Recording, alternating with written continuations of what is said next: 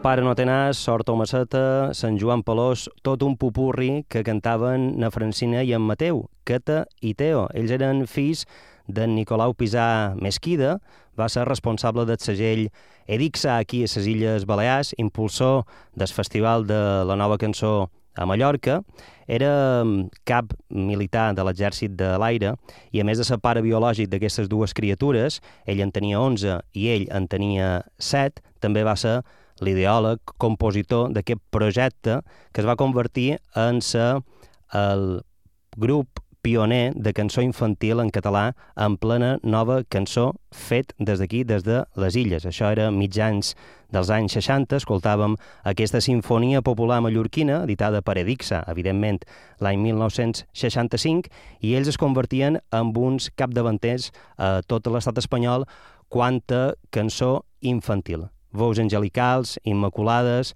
per uns arranjaments exquisits, acuradíssims, que mm, feia son pare, que mm, componia des del jazz, el folk, el lleier, el beat o la música popular. De fet, tenen EPs que, per exemple, es titulen Canten Nadal, Nadal, Nadal canten surf, és a dir, que el surf també s'incorporava en, en aquesta música que feien uh, Cate i Teo, que feia son pare, i també, per exemple, varen ser els primers en adaptar el tema Només ho sap el vent de Bob Dylan.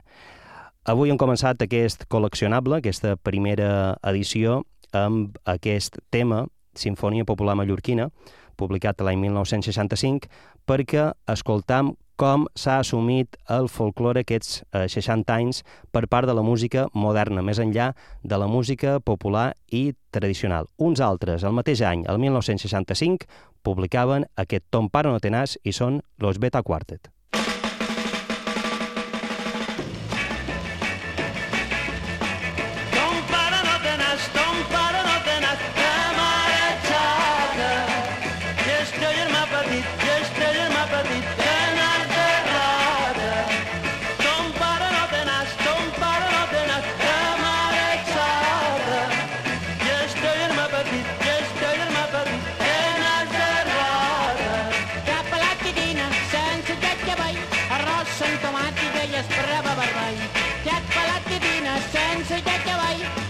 Amb tomàtica i esprava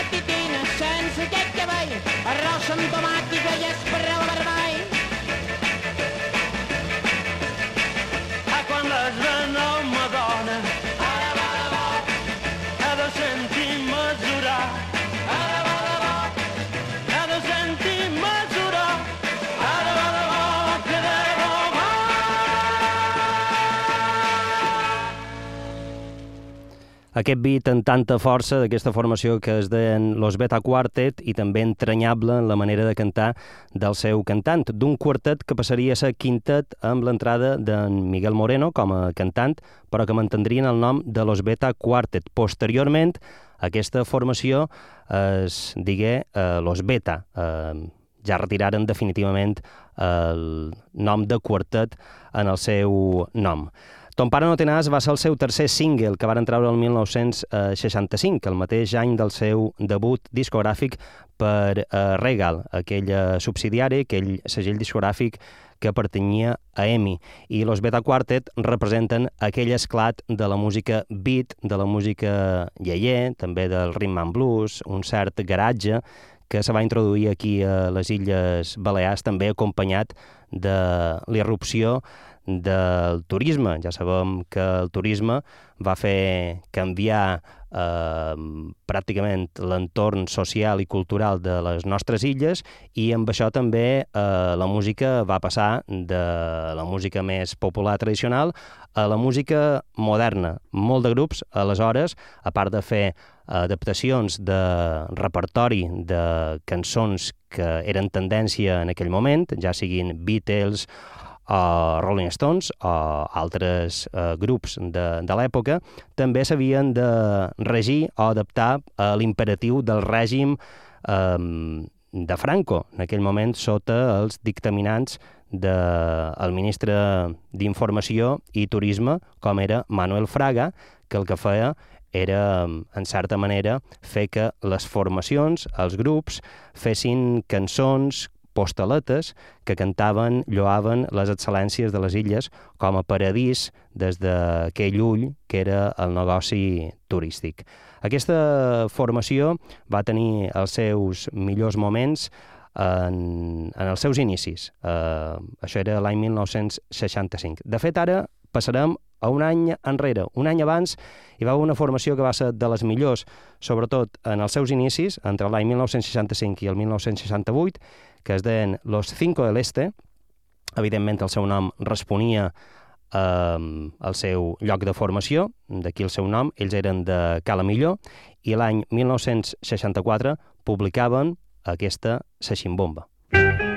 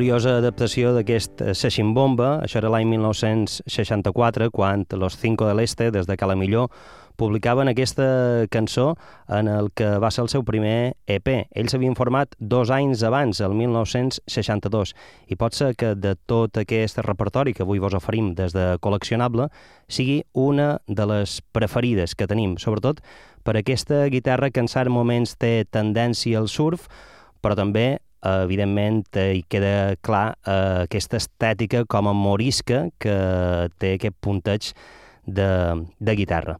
Ara escoltarem una cançó publicada dos anys més tard. Eh, hem escoltat cançons de l'any 65, de l'any 64 ara, com aquesta de Los Cinco al Este, i ara escoltarem una cançó que quan es va publicar, fins i tot a la portada tenia un error eh, gràfic o tipogràfic.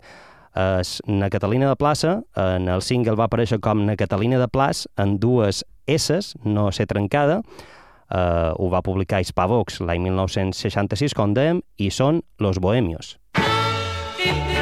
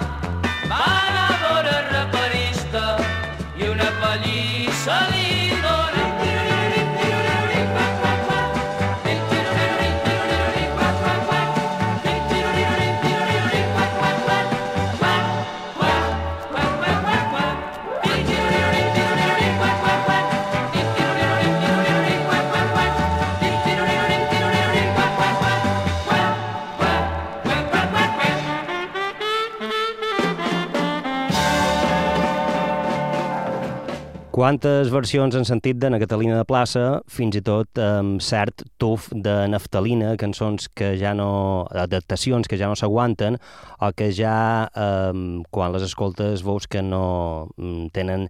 Mm, no els hi resta res de frescor. En aquest cas, supos que per aquest ritme, ritme en blues i per aquest saxo, aquesta cançó de Los Bohemios, és una de les grans adaptacions que varen fer en el seu repertori. Precisament una cançó que el recopilatori Pop a la Catalana, que ha publicat durant anys diversos volums, la va recuperar entre els seus crèdits, com per exemple també la de Los Beta Quartet, que sentíem ara fa uns moments, eh, Los Beta Quartet, amb la cançó Ton pare no té nas.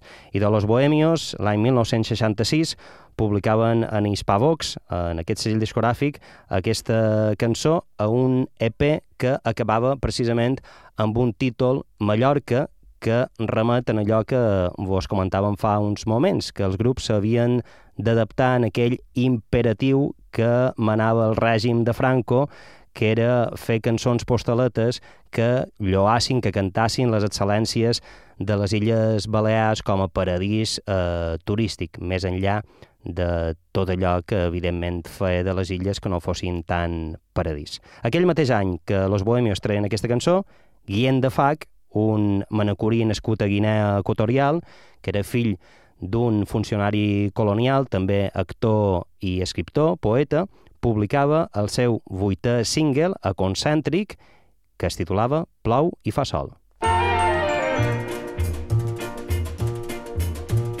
Plou i fa sol, qui l'hauria de dir? La teu somriure entre llàgrimes és l'arc de Sant Martí. Plau i fa sol, pentina la teuna llit i canta maldament ploris, somriu i canta en mi. Encara que pensis que te trobes sol, les estrelles resen per a consol. La lluna, la pruna, ja s'ha tret a la dalt i l'oratge canta i t'aixuga el plor. Plou i fa sol, qui l'hauria de dir? La teu somriure entre llàgrimes és l'arc de Sant Martí. Plou i fa sol, pentina la teuna llit i canta maldament ploris, somriu i canta amb mi. Encara que pensis, encara que pensis que te trobes sol, que te trobes sol. Les estrelles resen, les estrelles resen per dar-te consol, per dar-te consol. La lluna, la pruna, la lluna, la pruna, ja s'ha tret el dol, ja s'ha tret el dol. I l'oratge canta, i l'oratge canta, i t'aixuga el plor. Plou i fa sol, qui veuria de dir el teu somriure entre llàgrimes és l'arc de Sant Martí. Plou i fa sol, pentina la teuna llit i canta maldament ploris, somriu i canta en mi.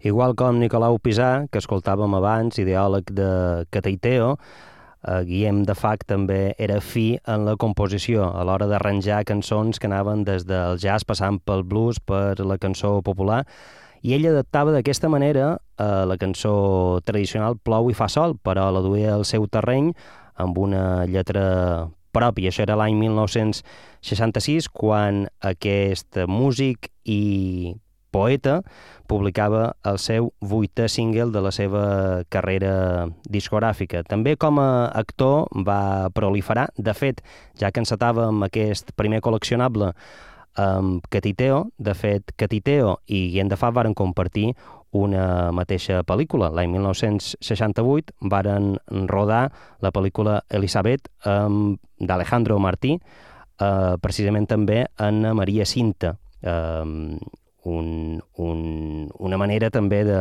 de participar a tota la indústria, no només musical, sinó cinematogràfica d'aquell moment. Ara mm, passarem, votarem un seguit d'anys. Passam de la dècada dels 60 i anem directament a la dècada dels 70. Pot ser que aquesta dècada va ser menys prolífica a l'hora d'adaptar, d'assumir, de fer-se seves cançons tradicionals de l'imaginari popular col·lectiu. Pot ser que ja aquelles ganes mm, i també la tendència musical que imperava en aquell moment no duia tant a recuperar cançons del subsol, és a dir, cançons populars. Però sí que hi va haver una banda, com són Amigos, que l'any 1972 i 73 varen publicar un disc que el que feien era redaptar el folklore popular d'aquí de les Illes Balears a les influències d'un corrent que arribava aquí a, a Mallorca, el folk psicodèlic i progressiu de la costa oest dels Estats Units. Una gran cançó, un gran exemple de com ho feien és aquesta mateixa d'Esvermar.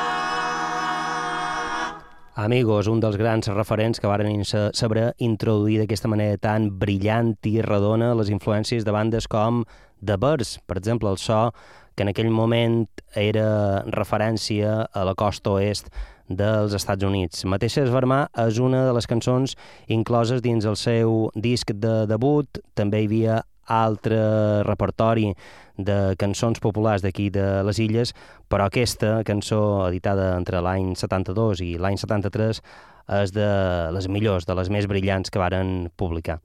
Un any després, aproximadament l'any 1974, escoltarem una altra vegada la cançó que hem escoltat per part de Los Cinco al Este, Se Bomba, però en aquest cas per una formació euterpe que aquell any, l'any 74, publicava el disc Paisaje, Camino i Canción. La nova cançó catalana a Mallorca estava coejant en aquell moment i el guitarrista Pepe Milan, que recordarem que després faria duet amb Joan Bibiloni, s'acostava d'aquesta manera al folk anglosaxó i també nord-americà, tant el rock progressiu com eh, també altres influències. Aquest disc, produït pel músic i productor de Manacor Antoni Pereira Fons, va ser enregistrat i editat per Hispavox i recull tota una sèrie d'adaptacions no només del folklore d'aquí de, de les illes, sinó també d'altres llocs de tot l'estat, com per exemple de, de Galícia hi ha el Canto de Vendímia, d'Aragó eh, la Jota i, per exemple, també hi ha el Corrido de Zamora. Però la Ximbomba és l'adaptació que feren de l'imaginari col·lectiu popular d'aquí d'aquesta manera.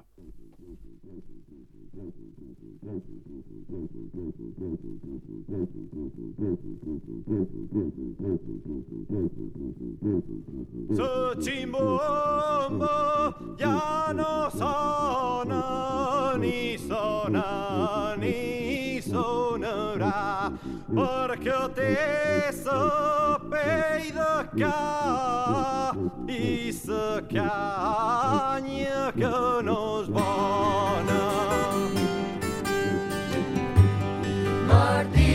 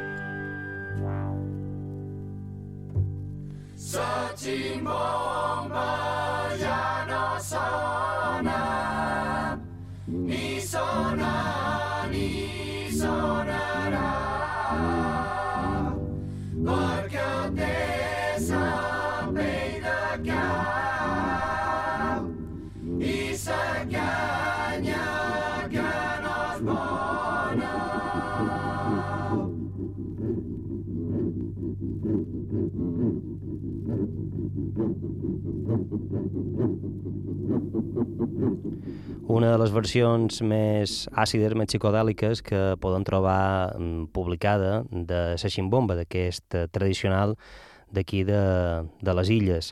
De fet, Euterpe, aquesta formació liderada per Pepe Milán, el que feia en aquest disc Paisaje, Camino i Canción de l'any 74 era fer-se seu en clau de folk eh, psicodèlic i progressiu, sobretot mirant cap al folk anglosaxó i nord-americà, cançons populars, entre elles aquesta Seiximbomba. Anys després, l'any 67, algú recordarà que Euterpe va acompanyar a l'australià ja desaparegut i que va ser resident de d'EA, que va venir aquí a Mallorca gràcies a Robert Wyatt, a David Allen, David Allen que va ser fundador amb Kevin Ayers i Robert Wyatt de Soft Machine, aquella gran banda eh, internacional que va es va crear i que va tenir el seu embrió aquí a les illes. L'any 67, Euterpe acompanyaria a David Allen per gravar el seu disc podríem dir més excèntric i també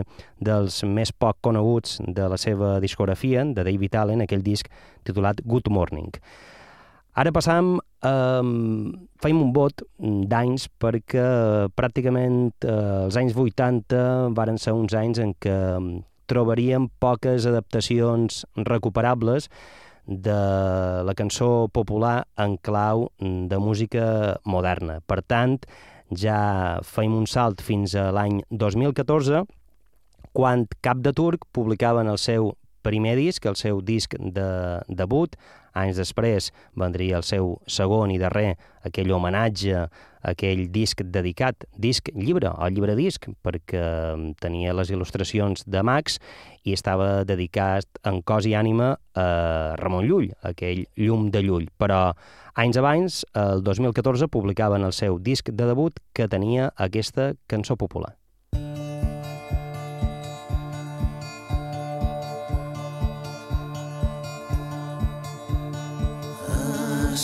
Plaça hi fan ballades, a la plaça hi fan ballades, mo mare de xaumiana, mo mare de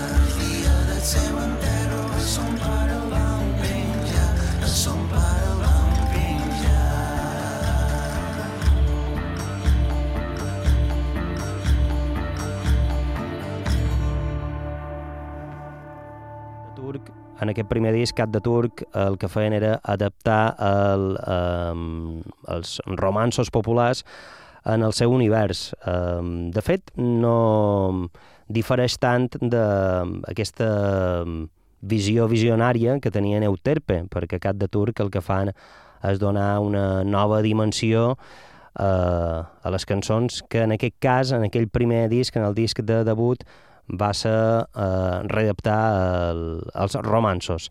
Amb aquesta La plaça fan ballades, una cançó publicada l'any 2014. I una altra que també recrea i amb el seu propi univers el cançoner popular és una mestra, una mestra de les composicions i també de l'interpretació en directe. Des de Manacor, Joana Gomila, tot i que eh, faci feina des de fora de Mallorca constantment, ella publicava l'any 2016 el seu disc Folk Souvenir, amb Folk Souvenir, i allà adaptava cançons eh, populars com, per exemple, aquesta Tonada de Tsegà.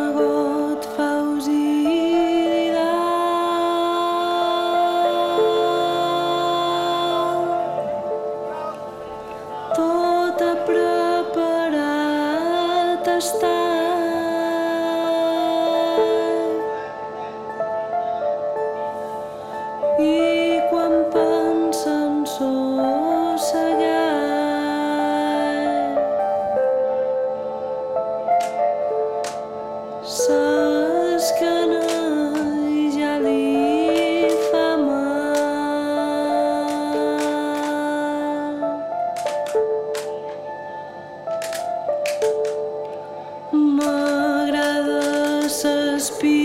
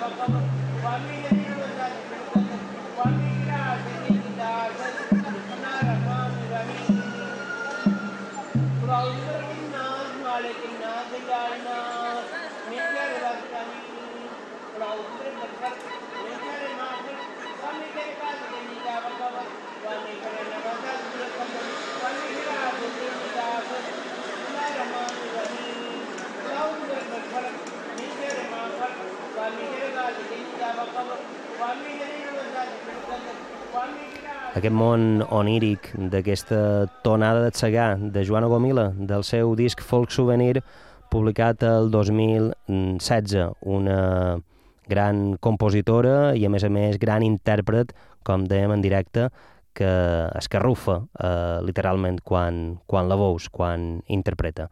Avui, en aquest primer col·leccionable que feim, um, escoltam com hem assumit des de la música moderna el folklore, la música tradicional, durant aquests 60 anys aquí a les illes, més enllà del de que és el gènere de la música popular, dels grups i els artistes que ja fan música tradicional.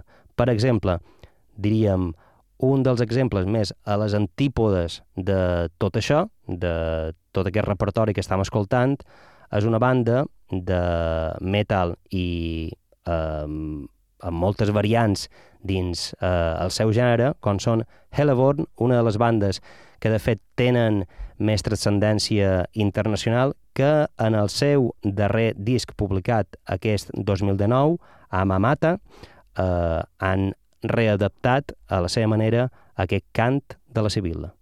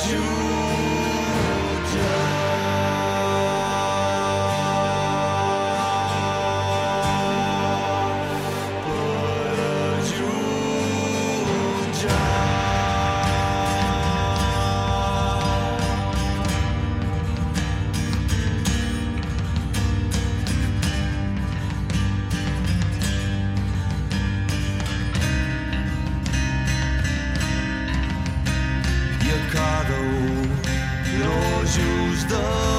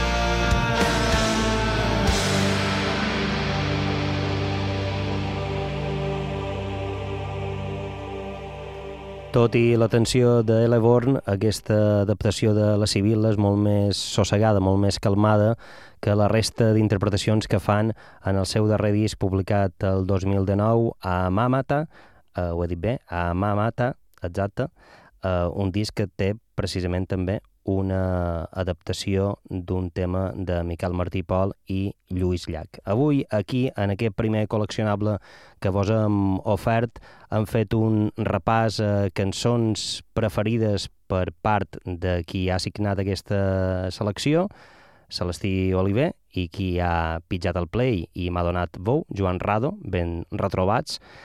Um, precisament hem fet una selecció de com s'ha reinterpretat, com s'ha assumit eh, el folklore d'aquí de les illes durant aquests 60 anys per part de grups de música moderna. Acabam amb un disc també d'aquest 2019, és a dir, un dels darrers exemples que tenim de com s'ha assumit la cançó popular. A Ocell Cantaire, mm, Toni Bert, qui va ser líder d'una de les bandes paradigmes del rock alternatiu dels anys 90, de Crudos, enguany publicava aquest 2019 el seu eh, segon disc. El seu primer mm, disc de debut de mm, retorn va ser el 2016 i aquest 2019 ha publicat Cantaire. En aquest disc hi ha una recreació d'una cançó que ja va fer eh, va interpretar en el seu moment en el disc Coreografies l'any 1990 Maria del Mar Bonet. Ell l'interpreta eh, d'aquesta manera i és aquesta Arreu, arreu, segadors. A reveure.